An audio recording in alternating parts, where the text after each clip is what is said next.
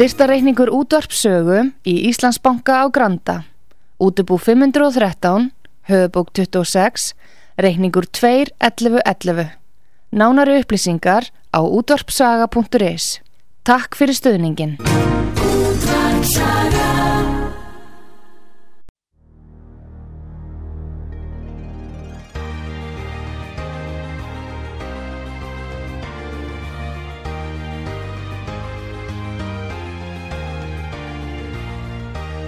Heimsmálinn í umsjón Pétur Gunnlaugssonar.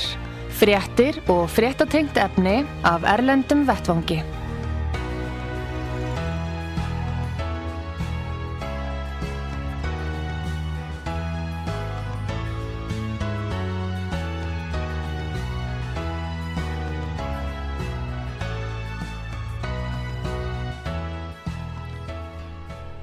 Góðir uh, hlustendur, þið að hlusta á útvartsögu. Ég heiti Pétur Gunnlaugsson og ég ætla að ræða með hann Gustaf Skúlason, okkar mann í Svíþjóð. Sæl og blessaði Gustaf. Marg blessaði Pétur, útvartsaga. Nú við kannski ætlum að ræða um tjáningafrælsið, við erum nú uppteknir af því svolítið Gustaf, eðlilega og Já, eh, eins og talaður um þetta er bara átt um framtíð síðmenningar segir ríkastu maður heims Elon Musk, hann er farin að verða svona máttarstólpi í baráttunni fyrir vernd tjáningafrelsisins og hann er búin að kaupa þetta fyrirtæki fyrir á allt og háu verði 44 biljónir fór í það. Já. en hann er farin að beita áhrifum sínum og það er ekki allir sáttur við það. Nei, heldur betur ekki sko því að og hann segir eins og þú sagðir sko, hann, hann hefur rætt þetta mikið og hann lísti því yfir að ef að málfrelsi glatast jafnvel í bandaríkjum sem sem því það ef að hann sjálfur myndi býða ósugur í þessari tilhörnsinni að koma málfrelsi aftur í Twitter já þá myndi það eina, eini valkosturinn sem væri þá í stöðinni fyrir almenning og fyrir venilegt fólk, venilegt bandargemenn og bara sennilega allan hérna vestrann heim, það er harðstjórn, það er þá það sem maður hefði að sjá. En hann hefur aldeilis rótað upp. Allra, þá allra mestu spillingu sem er að koma fram núna eh, þegar hann byrtir ofinbeglega, eh, Tökki Karlsson á Fox News eh, talar um Twitter skjölinn og það er ekki ástæðuleysið því það er að byrtast núna eh, samtöl, innri samtöl, hann slefti inn rannsóknarblaðamanni eh, sem að fóru og aðtugaði tölvuposta og er búin að lýsa því yfir að Twitter og, og það kemur líka fram að Google hafi gert það líka, hafi unnið fyrir, sko það var undir stjórn eh, rásdemokrata flokksins, þjóðar rásdemokrata flokksins sem notuði bæði FBI og þeir sendu út bæði á Facebook og Twitter nákvæmlega hvaða, hvaða skoðanir er þetta stöðva og hvernig er þetta í, sko, koma öllu neikvæði yfir á Trump í fórsettakostningunum. Ég er að tala um fórsettakostningarna núna í bandarígunum 2020 og öll, allt það sem að hvernig allir netmiðlarnir voru notað til þess að hilma yfir og ljúa um staðrindir, það mátti ekki koma í ljós þessar þessa upplýsingar sem voru til dæmis á eh, þessari fartölvu sem hefur nefnt farthalvan frá helviti með öllum upplýsingum með bæten fjölskylduna. Já, hendur bæten og við, nú uh, þeir viðkenna það að og að netrisarnir stóði í vegi fyrir þessu að, að upplýsingar bárust. Og þetta hafði áhrif á viðhorf kjósenda að því að talið er en það er náttúrulega komin skýringin á því Gustaf af hverju það voru ákveðin öll sem að mátt ekki hugsa til þess að Elon Musk myndi eignast Twitter, jábel þótt hann borgaði kannski tífalt þær að verð fyrir það en það ætti að gera. Já, það er margir sem spyrja sér sko þá hann til dæmis uh, kemur það smá hljóputur eftir með hérna, James Woods hérna, hérna, leik, leikari. Og, og, hérna, og hann var að lýsa því sko, það kemur ekki fram í þeim hljóputur en, en í, í, sama viðtali þá lýsta hann því yfir sko, að honum fannst að Elon Musk hlíti bara að vera mjög góðum maður og bara vinna fyrir vennjulegt fólk og trú, með trúsin á málfrelsi fyrst hann eittu öllum þessum peningum í fyrirtæki þetta er einhver smá peninga upp að þeir sem við erum að ræða um hér. Já, hann er búin að veðsetja Tesla hérna, fyrirtæki sitt og og já. ég efast um að sé líkast um að heims eftir þessi ég eftir þetta, já, Nei, já. Ekki, sko.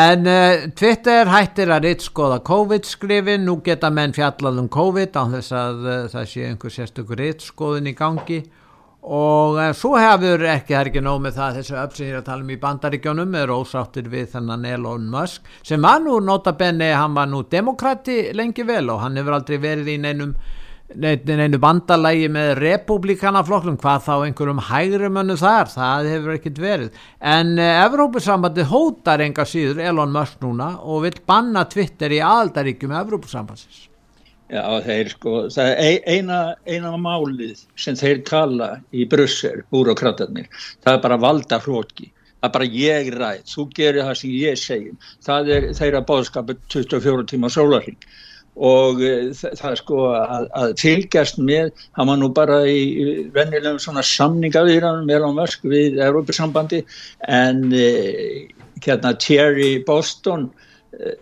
hérna inn, inn, inn, innri markas komissionér eða Terry, Terry Breton heitir hann Terry Breton að, að, að hann, hann hérna sagði sko já, var nú búin að gefa út á já Twitter verður nú bara að fara eftir því sem að við ákveðum hér.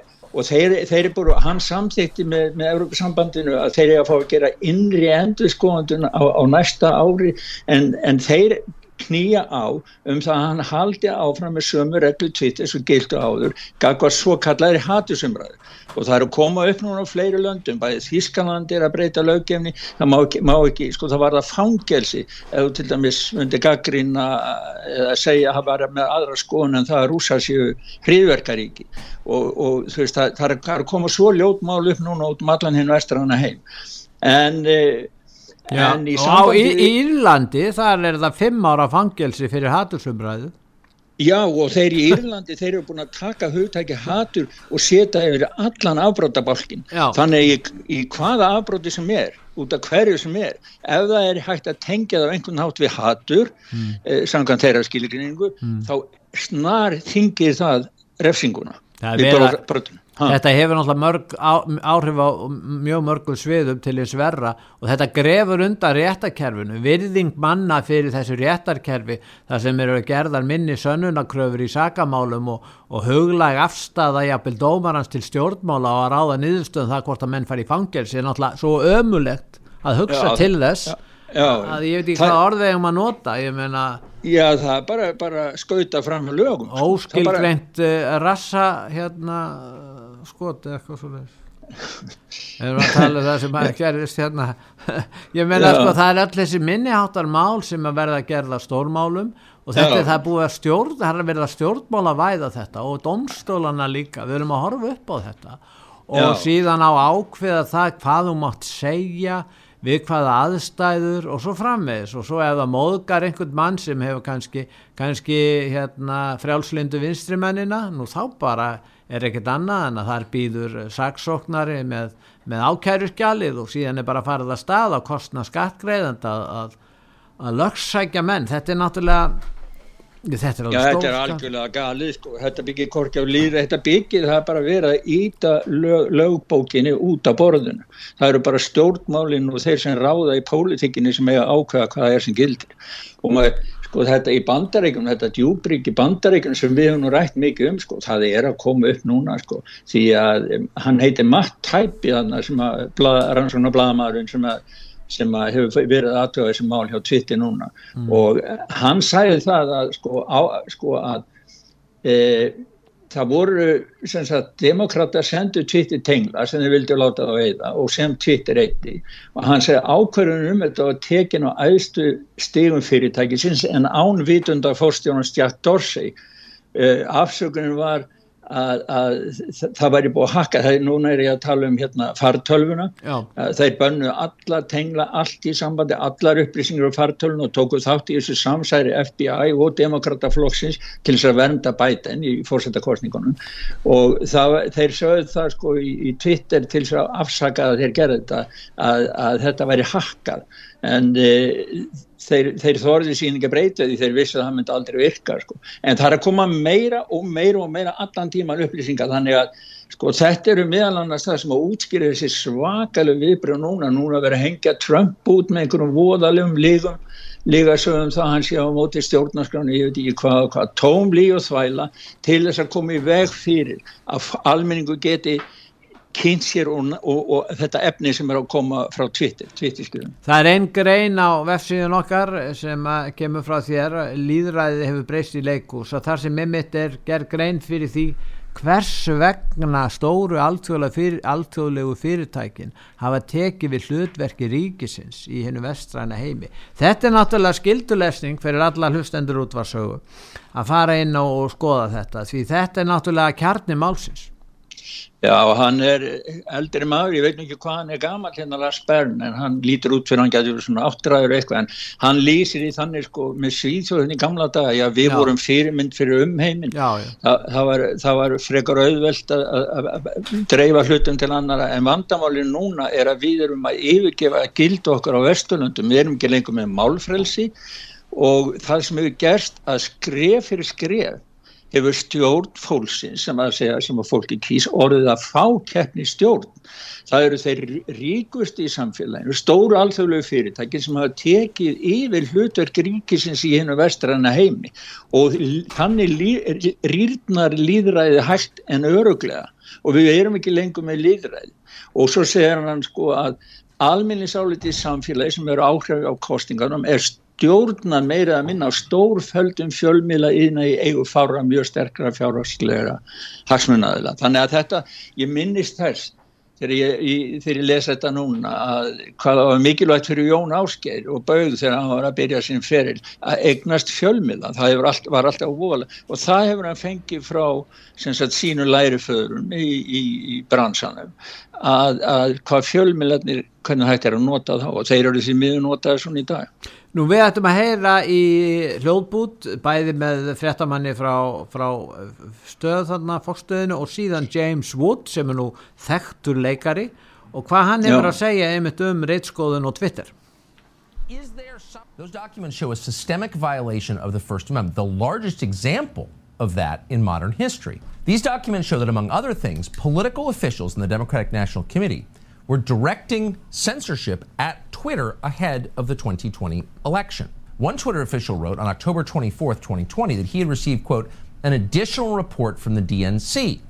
So the DNC was telling Twitter what to pull off the site, and Twitter was complying. Next morning, to prove it, a Twitter official confirmed the post had been deleted. Is there some kind of legal or civil recourse that you would have against the people who violated your First Amendment rights? I can guarantee you one thing more than anything else you'll ever hear in your life. I will be getting a lawyer. I will be suing the Democratic National Committee no matter what. Whether I win or lose, I am going to stand up for the rights that every American, not a so called celebrity, hardly recognizable anymore because my career has been destroyed by these very people.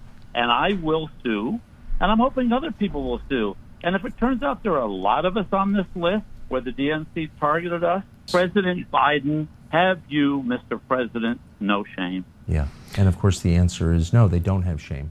Já, Gustaf, þarna er náttúrulega Karlsson að fjalla um fyrsta viðaukan við stjórnarskránu þar sem er um tjáning, ákvæðið um, um tjáningaflelsi Já. og uh, hérna hvernig Twitter hefur brotið það og síðan kemur þarna inn í setnin hlutanum, það er James Wood og hann segir að þeir hafi eðlagt ferilsinn, hann ætlar að lögsækja demokrataflokkin og skiptir engum máli sér hvort hann minni að tapi, að kannski skiptir máli en, en hann ætlar að fara að stað því að hann vilji geta í réttarsal og fyrir rétti afhjúpað í raun og veru hvers konar starfsemi á sér stað þarna á hálfu þessar afla.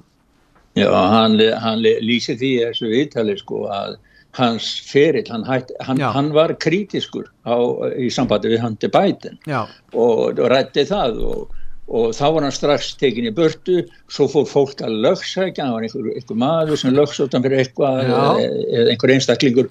Og hann fór í máluferðla vann það náttúrulega því það var byggt á lífum sem komst hann að í setna að þetta var þessi maður hafi verið keiftur og sendur frá þjóðaráði demokrata, hann sá tengsl þar á milli. Og DNC það er Democratic National Council það er þjóðaráð demokrataflokkin sem, sem að stjórna þessu. Ja. og, og hérna, hann misti bara hann er búin að missa vinnuna hefur ekkert komist áfram, allir leikarar, leikstjórar og aðrir og vinnir hans sem hafi voru honum sammála, þeir voru allir teknir að Twitter líka, hann var náttúrulega tekin að Twitter og bánfæriður yfir 8 mánuði. Já Þannig að sko það, það er búið að eðilga, það verið sem að demokrataflokkurinn hafi bara verið með reyna glæpa stjórn í þessu þjóðaráði sem hefur nota, þeir eru bæðið nota bæði eh, FBI, þeir nota Google, þeir nota Facebook og þeir nota Twitter.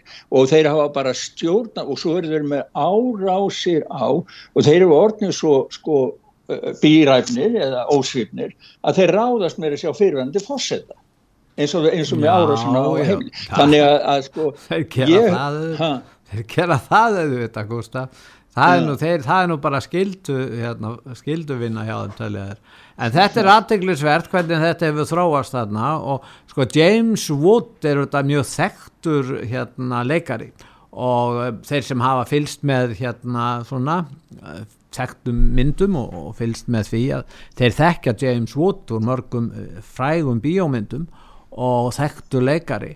Og það að, að það er eidilegja feril hans sínir í raun og veru uh, hvað demokratatir sumir með þessu kosti, þeir öfgafylstu leggja áherslu á að hafa þetta þessa leikara hjör með sér frá Hollywood, þeir vilja hafa Hollywood með sér og skemmtana bransan til þess Já. að bera út boðskapin og, og, og rýfa niður alla þá sem er ekki sammálaðin þannig að það eru skýringar, það eru fleiri leikarar sem, þeir, þeir leggja ekki þeir, þeir leggja ekkit út í það þeir vilja ekkit standi því að gaggrína í stjórnmálum sérstaklega þessa aðla frá allslinda vinstri arm demokrataflokksins, því að þá mega er búast við svona meðferð eins og eins James Wood er að lýsa Já og missa, missa vinnuna og það er nú frekabóri líka á þeir næta kannski að sína myndirnar hans kveikmyndahús og svo framvegs ég menna þetta, þetta, þetta skiptir vel um áli fyrir þá sem er í þessari grein að geta haft svona já, sæmila gott veður í sambandi við pólitíkina þess að ekki verða ofsækjaða fyrir það Já, er bara, þetta eru bara pólitískar ofsóknir sko, en svo höfum maður líka að sé á himbóin sko að leikara hafa verið eins og þessi þannig sem að eh, sæðu óvart með Tævann að það væri sjálfstætt ríki og var að byggast afsökunar. Svo að myndin sem að Disney hafi gert og hann eh, laði röttinni sín í ætti aðgengi að kýmverska markanum þannig að þetta er, þetta er sko það er halleluja á eitt veginn og þá fæðum við að borga fyrir það. Já. og svo ef maður, ef maður, ef maður hefur einhverja aðra skoðan þá maður bara út og loka og bara reynda að samfélaginu alveg sko. Þannig að maður veit ekki hvað þetta fólk getur gripið til sko. Ég trú öllu yllu upp á þetta djúbríkið þarna því að menn frá FBI, þetta er náttúrulega vopnað líð, fólk á dómsmálaráðunitinu, þeir, og maður tala nú ekki um varnamálaráðunitu og Pentagon, það eru vopni í spilunum hann líka sko. Þannig að ég, ég, mér finnst þetta alveg, mér finnst þetta vera sko að þetta skulle koma frá bandaríkjanum, ég skil núna betur eftir því sem þetta myndin skýrist hversu gríðarlega ílska og samsjöppun er í kjarnabandarísku sálarinnar og bandarísku þjóðurinnar í kringum sko, þetta er land eh, frelsisins og hugrakka fólksins. Þetta, þetta er, sapnast, kjarnið sapnast saman í þessari reyfingu sem kallar maka reyfing sem að Trump eh, leiður En eh, fyrst við erum að tala um bandaríkinn og, og hérna Twitter og reittskoðun og, og auðvitað COVID líka, þetta ná tengjast alls saman. En hérna eigum við ekki þá að heyra í hérna eigum við ekki að heyra í hérna Fauci hljóðbút með honum. Því hann er að segja sko að sé allt í lægi tilgangurinn er að bólusetja alla að það er að segja ef að fólk er innilokað í Kína hann finnst ekki að vera á móti því. Annars er erfitt að gera sér grein fyrir hver er skoðun hans í raun og veru. Hann hefur skipt um oft um skoðun hann Fauci. Já, gerum það, hlustum að það sá hann er að segja China's official news agency today published an op ed asserting that the country's strict COVID measures are scientific and effective. Are, are they? Well, when you want to shut down in order to interrupt immediately a process that's going on, like the spread of infection, there should be a purpose to it. What's the purpose? If the purpose is let's get all the people vaccinated, particularly the elderly, then okay for a temporary period of time to do that. We are Já, hann er spurður að því hvert hann telji að, að þessi vísindarlega staðið að þessum aðgerðum í Kína og hvort það séu árangursríkar eins og kynverðinni segja en, en þá segir hann já ekki árangursríkar nema að menn sé farið þá leið að, að bólusetja fólk. Þa, það, þá réttlætir hann í raun og veru réttlætir hann það það er stjórnina sko. Já, það er sko, ég þorði bara ekki að taka var, það er á, á, á með sömu grein þá er frá TikTok band sem að fólk hefur tekið, sko, þetta var svona svipa eins og það fólk var að henda sér úr húsunum það er kviknað einu á háhúsun og það er bara hljóð og ó, þetta er bara fólk sem er að öskra og hljóða sko. það er alveg skelvilegt að heyra þetta sko.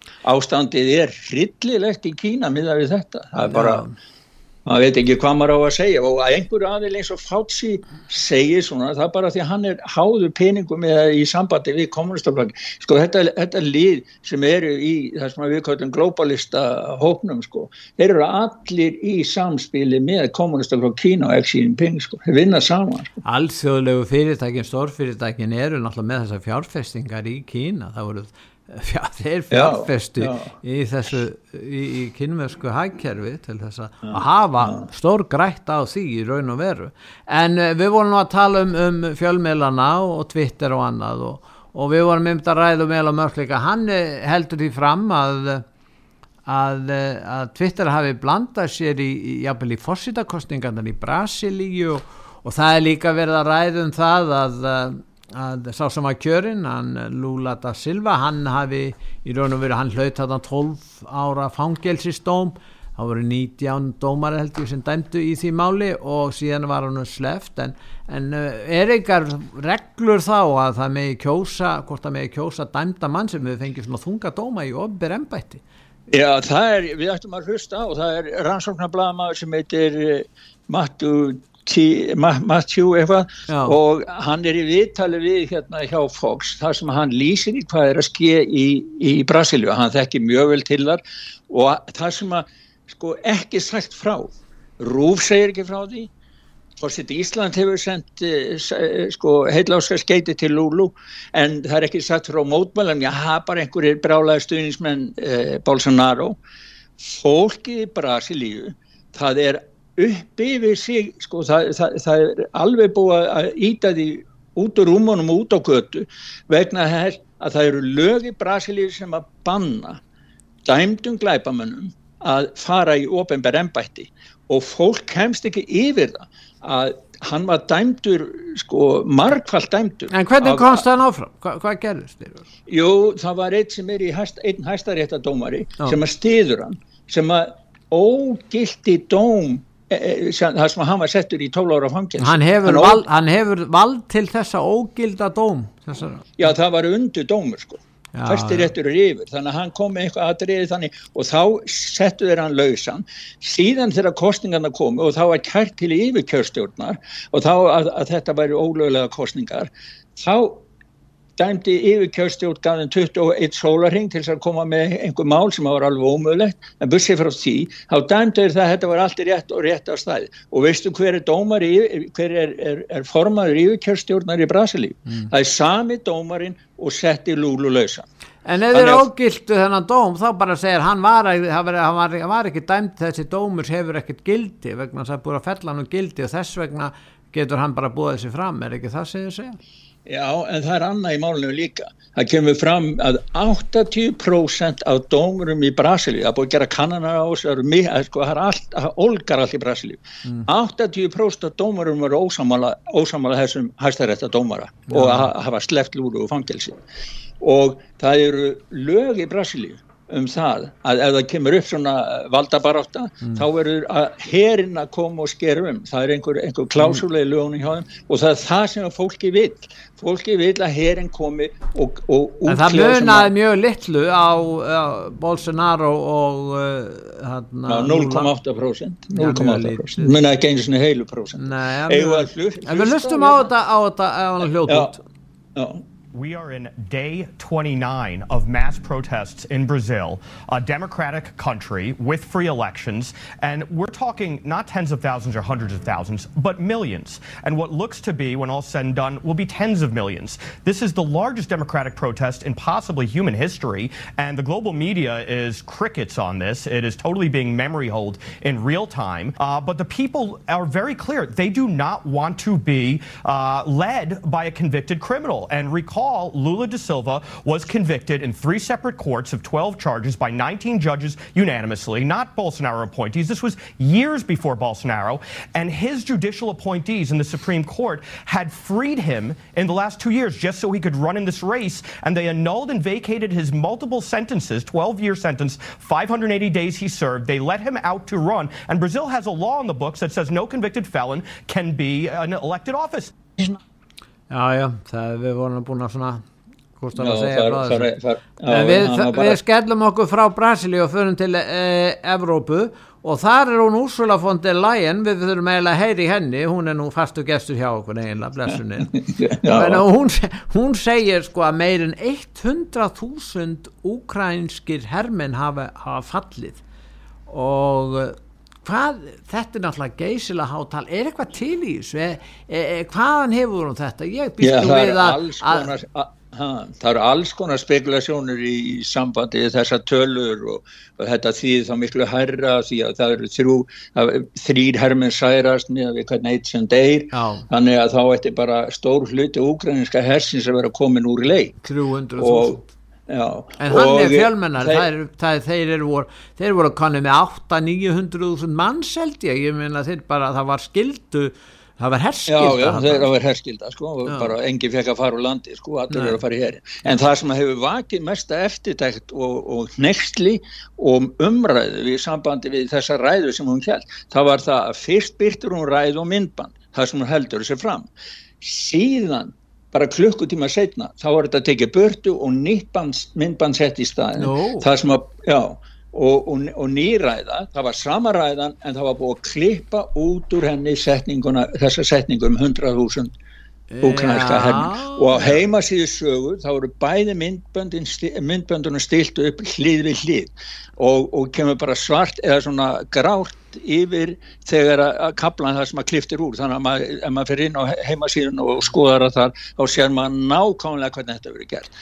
Og þeir hafa ekkert útskýrt þetta eða afsakað eða neitt hjá Europasambandinu en þeir gáttu ekki dreigið tilbaka því það var búið að liggja út í klukkutíma fyrsta myndbandiðan Já, já, og ef, þe- þessi, þessi hljóðbúti sem við hlustum á hann er tekin úr því bandi sko, sem að þeir skulum, tóku við síðan skulum tilbaka hlusta á hana Úrsulu. invasion of Ukraine has brought death, devastation, and unspeakable suffering. We all remember the horrors of Bucha.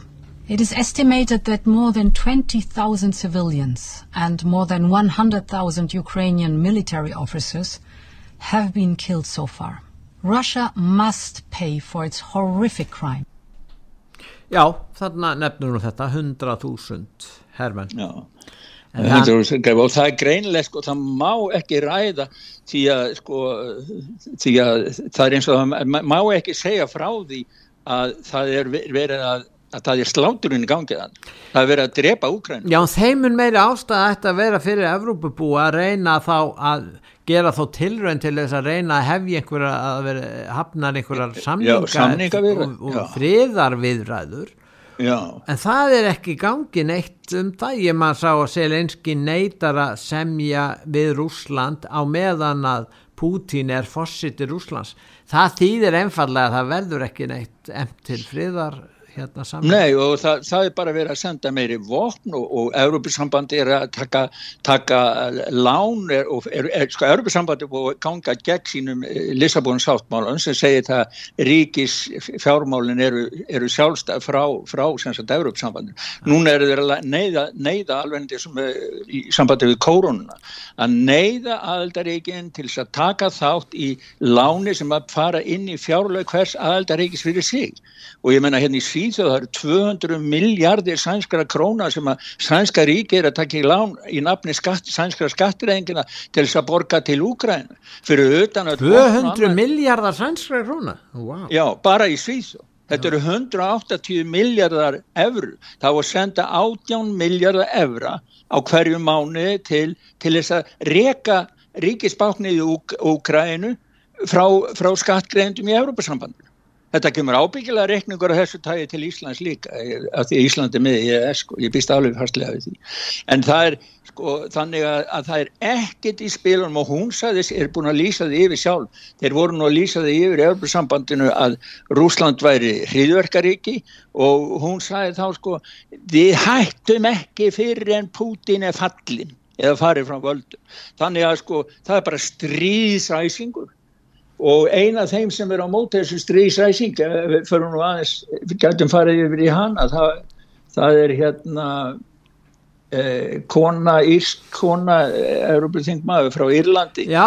sem heitir Claire Daly sem, að kelt rumuræð og hún segir bara að þetta sé að sko Vesturlund séu í sjálfsmorðs tross för til að reyna að vinna yfir Úslandi og hafi breytt Úgræn við sláturús. Já, hún er var að tala um Líbíu líka. Hún... Já, hún var að tala um Líbíu líka, sko. Hún, hún, hún tala um það, sko, hún er að bera saman, sko, NATO. Allstað það sem að NATO er verið bara sviðin jörð, mm. allt gert í nafni e, frelsis og lýræðist. Nákvæmlega eins og við fáum alltaf framann í okkur þegar við erum að tala um Úgræn. Það er bara frelsis og lýræð. Allir saman hvað er margir drefnir á, á vývöldinu.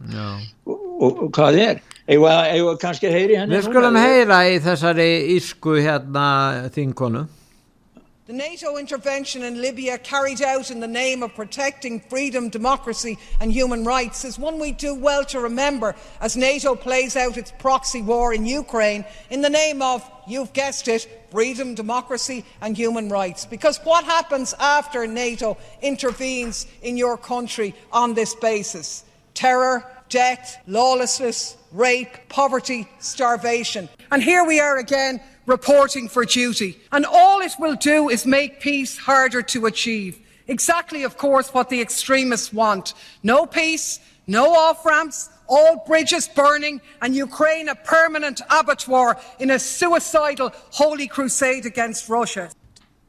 Já, hún er að segja þetta sem við vorum að tala um og, og Líbia er landfjölda grafa. Það er náttúrulega hvernig fari var með Líbíu er náttúrulega kaplu út fyrir sig sem að hvernig, þar, þar, þar eru það NATO-ríki sem ber ábyrð á því.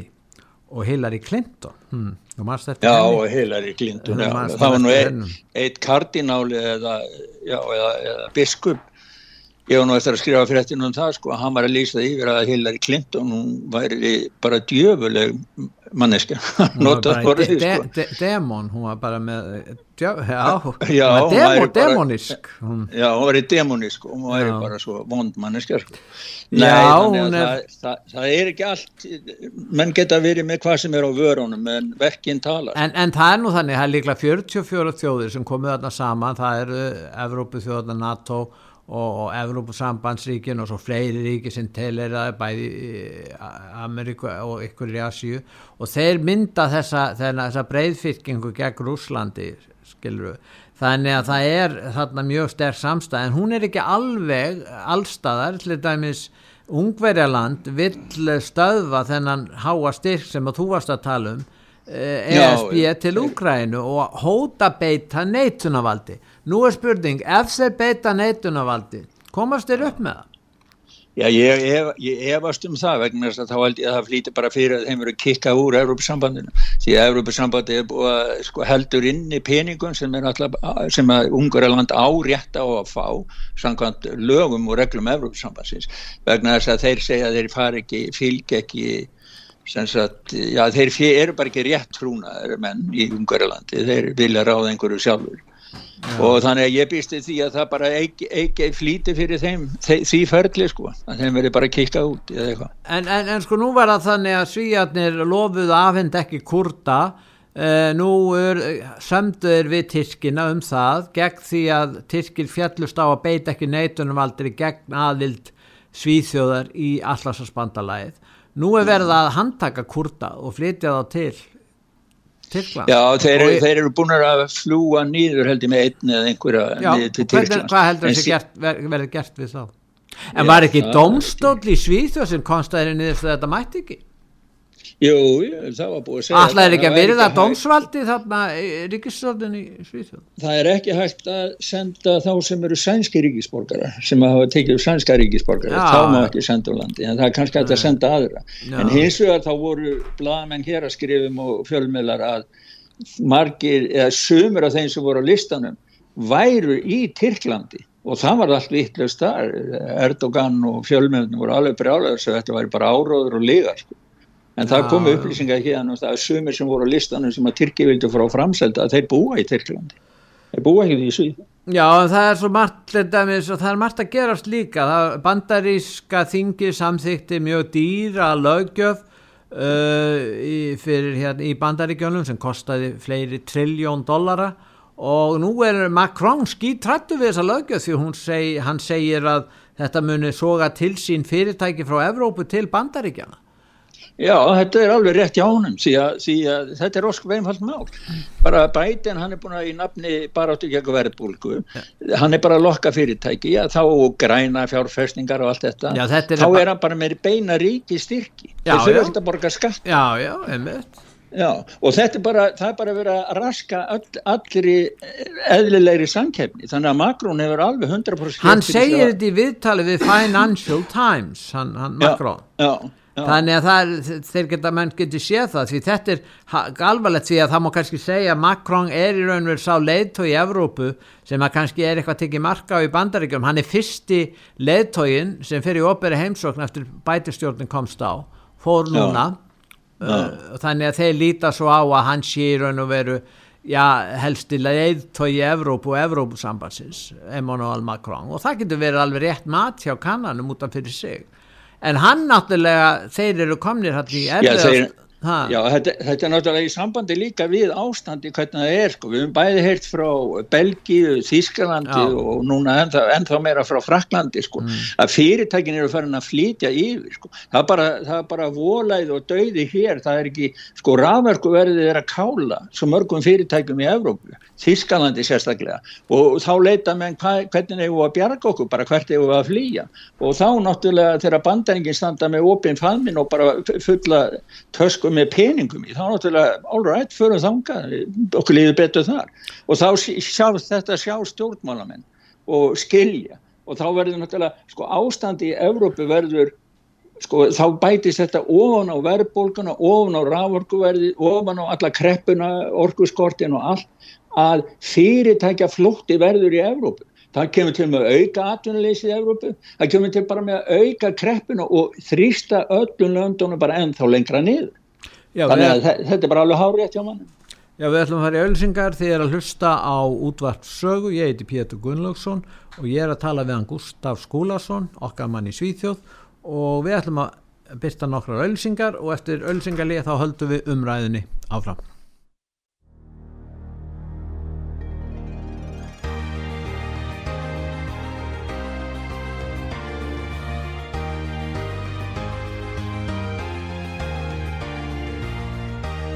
Heimsmálinn í umsjón Pétur Gunnlaugssonar.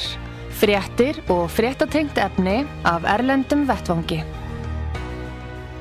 Góðir hlustendur, þeir að hlusta á útvart sögu. Ég heiti Pétur Gunnlaugsson og ég er að ræða við hann Gustaf Skúlason okkar mann í Svíþjóðu. Gustaf, við förum núna, við getum nú talað um nokkur máli viðbútt frá Evrópu en við verðum einlega skell okkur til Ástralíu. Já.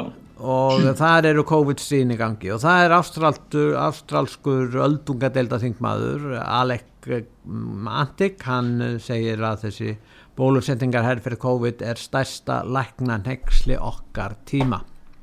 Já, hann, hann gaggrindi, hefur gaggrind þetta alveg frá byrjun sko en það var náttúrulega ekki hlusta á hann frekar en einn annan. Nei. en, en hann sé, sér þetta allt saman sem lið í sagt, þessari tæknikratísku harðstjórn Já. sem að hef, hefur sínt framann í andlitið á sér og krumlutnar með öllum þessum lókunum og, og þessum hörð, hörðu sko, skerðingu á mannréttundum fólks með, með þessari þingandi bólusetningar herrferðum og sektum og fangelsum og, og guð veit hvað.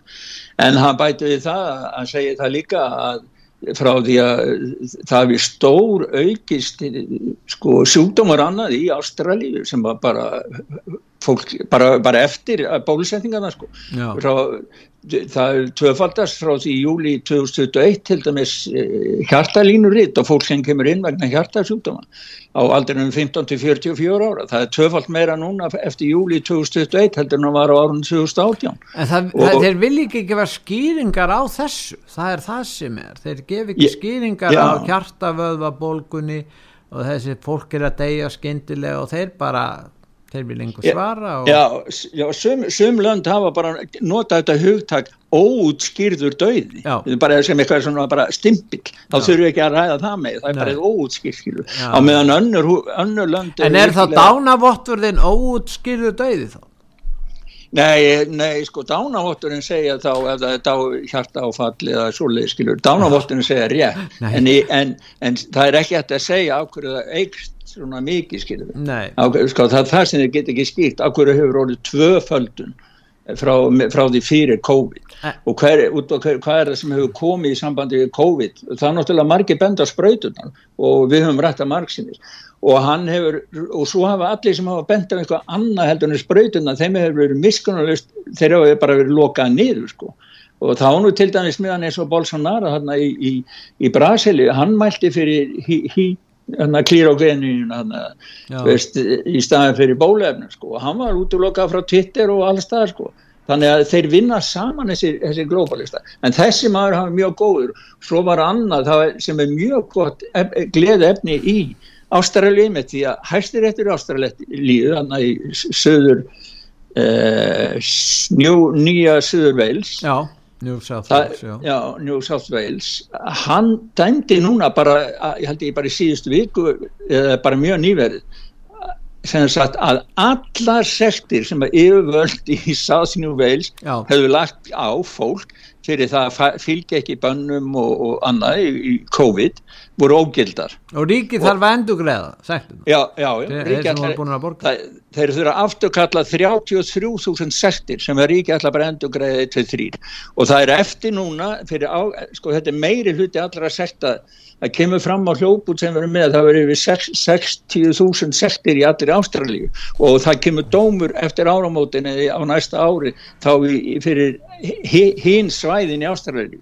Þannig að það má búast yfir því að öll Ástralíu verði að afturkalla vegna að sektirna voru ólöglegar og það kemur ábyggilega eitthvað meira í kjölfar þess því að lokanennar og skerðing af einstaklingsfrelsi og réttundu fólks en þannig en það, við ættum að hlusta á þetta Já, hlusta hlustum á, á hljóðbútin hérna. frá Ástralíu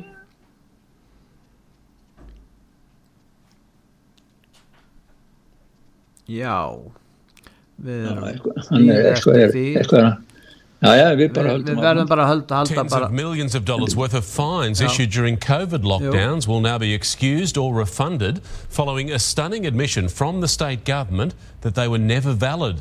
The embarrassing capitulation forced by a Supreme Court challenge from a small community legal centre. 62,138 fines were issued during the pandemic. Today, more than half were withdrawn. Today's an extraordinary day for the people of New South Wales. Thank goodness for pro bono barristers and for clients that have come forward and taken the risk. One of those clients, Rowan Pank. Me and my girlfriend were sitting in Sydney Park. A group of police officers came over and fined us. Yo, Já, nei það var bara, sko það var bara vennulegir, að það eru löffræðingar einhverju félagi sem að, ég veit ekki hvort þið vinni sjálfbáði. Nei, þeir, jú, þeir, hún sagði það, pro bono, þeir tækju þetta að sér að fá greiðslu fyrir. Og þeir hafi raun og verið unnið að þessu máli. Og þetta er stór merkilegt og, og vel að sé vikið þannig að Ástralja var inn á þessari harlínu í, í COVID hérna málum á sínu tíma Og, en þeir hafa skipt um skoðun og, og hérna, já, minnskosti það er einhver, það er einhver reyfing á andmælum þarna, minnskosti Alveg, sko, það voru gríðarlega mikið mótmæli og andmæli þetta gekk ekki átaka löst fyrir sig, sko, en svo eru aðra búið að frétti líka sem betur fer, sko, þá er alltaf að koma meir og meir upplýsingar, núna er eitt hérna bandarækjamaður Andrið Húf sem var í Kína á 2016-2018 Það er ekki 2014-2016 var Já, 14 til 2016 fyrirgeði, 2014 til 16 og hann, hann er, það er að koma út bókum hann núna bara, ég held að sem er að segja þetta pantana í dag á Amazon. Sannleikurinn um Wuhan, eh, hvernig ég kom upp með stærstu lígi sögunar, skrifar hann náttúrulega, en, en það var, breskablaðið Sönn var með mikið viðtal við hann og um bókin og annað sko. Já. og hann, hann fullir það og leggur ábyrðina og hendur bandarískum stjórnvöldum fyrir að hafa flutt hættulega líftækni til kýmvera. Hann segir það, við gáfum þeim lífvopna tækni. Já. Hann sagðist að verið hrættu við það sem hann sá, hann var þarna niður frá, ég held að hann hafi verið í stopnun eða fyrirtæki sem sáum að, að, að flytja fjármáli yfir. Ég er ekki alveg, alveg nægilega vel að mér í því, en það ætti alltaf að koma fram í þessari bók. Hann heitir Andrew G. Huff, doktor. Já. Þannig að hann er smitt sjúkdóma sérfræðingur þessi maður. Sko. Já, hann er búin að kynna, þetta er mjög gott að þetta sé að koma fram. En í Kanada þá er eh, bjóða þeir upp á aðstóði sjálfsmór fyrir fallaða, það er svona þeirra framlega. Já, heldur bara ekki. Það dói hvað, 10.000 manns í fyrra úr, eða voru drefnir, drefnir. með því hvað vegna, vegna eh, kalla líklandráp, aðstóði sjálfsmórð. Og, og svo er þetta að litið á þetta sem einhvers konar já ég veit það ekki. Fagur gjörningur sem að upphefur rest manna, ég veit að ég veit ekki hvað menn er eiginlega stattir þetta hvað heldur þú, það var á vísu innleitt svona lög 2006 í, ekki, í Kanada? Og ja. síðan halda þær áfram og alltaf halda þær áfram. Gengur og nú næsta ári á að innleiða lögvarandi geðveika sjúklinga um, um sérstak ákvæðum líklandráf varðandi þá. Hvað Já, einmitt, sko, 2016 skilst mér að þá hafi sagt, Justin Trudeau farið fyrir lögum sem voru samþýtt þá um að aðstóð við, við sjálfsvík og það gildi um fatlaða. Og það fór hægtast að í byrjun, það er, það línur í dag sínt á, á heimasíðsögu, það verður bara þúsund dráp á fyrsta árunu Já. en þau hafa tífaldast upp í tíðúsund manns bara fyrir 2000 sem að voru Eh, sjálfsmyrt 2021 eða aðstóð og hann, honu finnst þetta bara ef það er líkt saman við fóstureyðingar þá er þetta bara sami hluturinn sko. já, já. bara sjálf, sjálfsögur réttindi eins og fóstureyðingar en það er annað það, er, það var kona, Kristína Gáþjör sem var fyrirhandi hermaður og hún var í paralímsku ólipísku liftingakona fyrir fatlaða og þegar hún átti, hafði samband við yfirvöld að því að hann vantaði, hún var að spyrja hvernig, það voru einhvern tafir á því að hún geti fengið hjólastóla aðgengi á heimili sínu, mm. það er ábyggilega eitthvað í lögum um það og hún er rétt á því. Og þá sá hún það, hún held vittni fyrir ástrálska þinginu og hún sagði held að sagði, en þið buðum mér spröytu til að deyja. En þið get ekki látið mér hafa þau tæki sem ég þarf til að lifa. Þeir buðu henni þegar hún var að gaggrína slappleikan í, í, af hálfi yfirvalda við aðstofið fallaða Já. þá er henni bara búið spröyta til þess að fremja sjálfsmór Já, hún, þetta er óti leið Já, óti leið bara mikið. Og næsta ári þá og það er ótan gríðalegur umræður um þetta núna. Og það, það er Daily Mail hefur skrifið mikið um þetta. Og næsta ári þá á að koma lög um það að það megi gera þetta við geðsjúklinga líka. En það sem er ógeðslegt í sambandi við þetta, við hlustum á það núna þetta eru auglýsing frá, þetta er auðvilsingaminn frá einhverju tísku fyrirtæki sem að vil sína að það sé rétt rúna og það er bara að lifta þig fram. Allt er, það er bara tóm fegur að drepa sig. Það er tóm fegur að fremja sjálfs Eða að hlusta á þetta? Já, það gerum við? Sacred. When I imagine my final days I see bubbles. I see the ocean. I see music Even now, as I seek help to end my life, there is still so much beauty. You just have to be brave enough to see it. Já, það eru spurningi hvernig á að tólka þessa auðlýsingu, ég meina hún er að gefa í skeni að það mætti kannski tólka þetta að væri, hún væri að tala um fegur lífsins en, en það er nú ekki alveg rétt kannski Nei, hún er að tala um hvað þetta er fallegt að fá aðstofi að fyrir með sjálfsvíð mm. og þetta er bara tóm beauty sko, bara, hey, bara einn tóm fegur sko Nei, þetta ég bara, ég sætti það, ég, ég Ég get alltaf bara ekki að segja, en, segja en það, það er gott þú minnist á þetta vegna þess að þú ert að fara núna á læknarástefnu í Stokkólmi sem verður 21. januar 22. og það var nú læknarástefnu í Oslo og núna er lækna, þetta er kallað lækna áhlaupið í Svíþjóðarþæki Já, ákallið Ákallið, já, og, já, og já. það er mjög, mjög hérna merkilegt að, að þetta skulle, þá ger ég ráð fyrir að þessi umræðum, þessi mál sem við erum að tala um geti nú átt sér stað meðal annars varðandi Já heldur, ég, sko, ég er einmitt, einmitt alveg rétt sko, eins og þú segir þú veist, sko þarna eru læknað þessi, að akkurat hann er, læknandi sem koma þessar ástöfnu, þeir vilja líf og vernda líf, Já. þeir eru ekki eins og þessi kanadíska réttrúna lið þar maður Eh, sem að vilja gera skilgreina óbólusetta sem geðveika og, og, og spröyta fólk svo að það getur fram í sjálfsmál. Nei, en það er mjög gott sko, ég held að þessi margt af þessi sama fólki eins og var í, í Oslo, allavega kemur hann, e, það er listum þetta á heimasíðu sögu hægt að fara inn á, inn á heimasíðu lækna á kalsins og líka fyrir þá, ef það eru nú einhverju sem er að koma frá Íslandi og fara út, hvort sem eru læknar eða áhuga menn, að þá er hægt að kaupa miða á, á rástefnuna og ég kefti miða í tvo daga og mig langar að spurja hlustendu sögu og ykkur sem eru á sögu, hvaða spurningar brenna á íslensku þjóðinni í sambandi við COVID. Því að ef ég fæ tækifæri þá getur ég kannski bóraðar fram við einhverja lækna ef ég næði viðtal við einhvern eða jáfnvel bara á sjálfur ástöfninu umræðum eða eitthvað. Já, já. Nú hérna, sanga tölfræði sænsku líðhelsunar þá er 97% þeirra sem deyja með COVID eru bólusettir þannig að það er hansi hátt tala, það er eiginlega nánast allir eru meira og minna bólusettir. Þetta er tölfræði sænska, sænsku líðhelda væntal er hún rétt þessi tölfræði Já, já, og ef eitthvað er að þá er hún frekar sko, þeir, þeir byrtu þetta alltaf aðgengilegra áður en já. núna verður maður að, sko, núna hættur að byrta ofinberlega aðgengilegt að segja þeir sem að degja eru með COVID í krópnum svona margir að, en það kemur fram í XL skjölunum hjá þeim og þau skjöl er hægt að hlaða niður frá heimasíðu sög og fara í gegnum öll gögnin þar. En það eina sem ég er ekki alveg klára á sko, það, er, það er ekki, það er sælt með COVID í krópnum ekki að þeir hafa dáið af eða vegna COVID, það getur að dáið einhverju öðru líka, ég er ekki alveg örugur á því en Nei. það er en það er sem sagt nýtt, sko, eiginlega miða við, miða við eigilega miða við lofurðin sem okkur voru gefin í byrjun faraldisins þá ætti þetta að vera þvert öfugt. Það ætti að vera 97% sem deyja eiga að vera óbólusettir eh, sko, en, en bara 3% sko, þeir ætti að vera með COVID í króknum sem eru óbólusettir. En þeir sem eru bólusettir ætti ætti að vera þessi hinn 3% sem eru ekki með neitt COVID í króknum Já Nú það er náttúrulega frétti frá Svíþjóðum skota ára á sig núna 60 dánir á þessu ári stöðu fjölgun og fleiri og fleiri löglumenn vantar og hækkun löglulauna og, og það var eitt drepi núna um helgina var það ekki?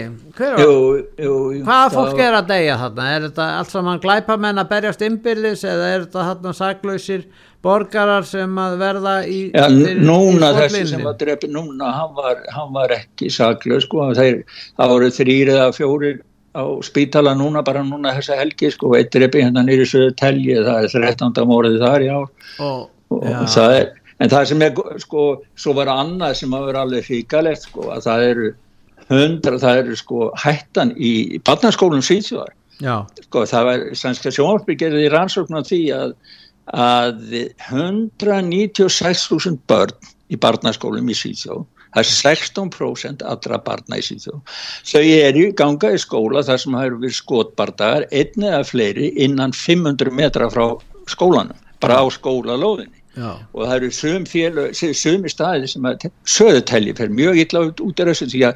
54% barna á grunnskóla aldrei fari í skóla sem að, sem að skótbardar eru fyrir utan gluggan og það er náttúrulega ekkert skrítið þó að börn bæði á dag, dagheimilum og, og, og, og grunnskólum þau eru að tala um mamma, má ég, á ég pappi á ég ekki að fá hérna, skóthelt vesti til að fara í skólan og og það eru alls konar námski í gangi, það er verið að byggja panikherbergi og æfingar, það er svona börn og alveg á daghelm, það er æft, ef það byrja að skjóta þá færið þið hinga inn í þetta herbergi, þá gerum við svona, þá gerum við hins einn, svona er að gera við glæpamennin þeirra frutan klukkan og það er listi yfir þetta, yfir skóla með fimm eða fleiri skótára. Þetta er í raun og verið ekkert annað en andlegt ofbeldi gegn börnum hugsaðir 196.000 börn í þessu barnvænlega landi sem að setja nú börnin framar öllu öðru hérna. Að 196.000 börn lifa, lifa við þessa kringustæður þetta er svíðu í dag. Já. ég er svo yllur út af þessu ég ætla bara ekki að segja það. En við verðum þá bara að uh, snú okkur að sænsku vikingólum og hlusta á þá og kveikja þúsund jólakerti og jólalóst til að já, lýsa upp myrkri Já, við erum bara að kveikja, kveikja að nálgast jólin og já. við erum bara að kveikja þúsund, láta vikingana okkar hérna kveikja þúsund jólin. svo við fáum við eitthvað smá ljós inn í allt þetta myrku og treysta því að ljósi sigri. Já, sigrar. þrátt fyrir allt þótt að margt líti illa út þá mun ljósi sigra og það er fagnar erindi jólana sem mun hjálpa í þeim efnu þakka í fyrir Gustaf Já, þakka fyrir sömulegis og hverju til hlustenda. Takk fyrir.